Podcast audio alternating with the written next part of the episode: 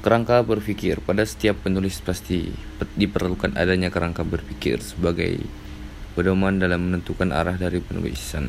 Hal ini diperlukan agar penulis tetap fokus pada kajian yang akan diteliti.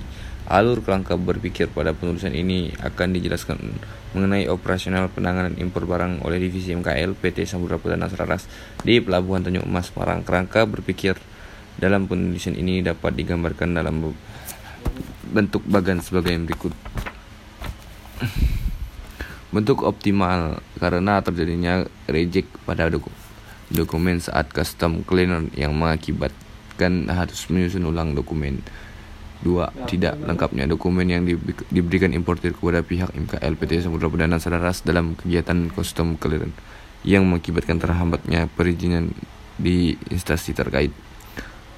Tiga, terjadinya penundaan oleh pihak perusahaan pelayaran saat proses pengambilan jaminan kontainer.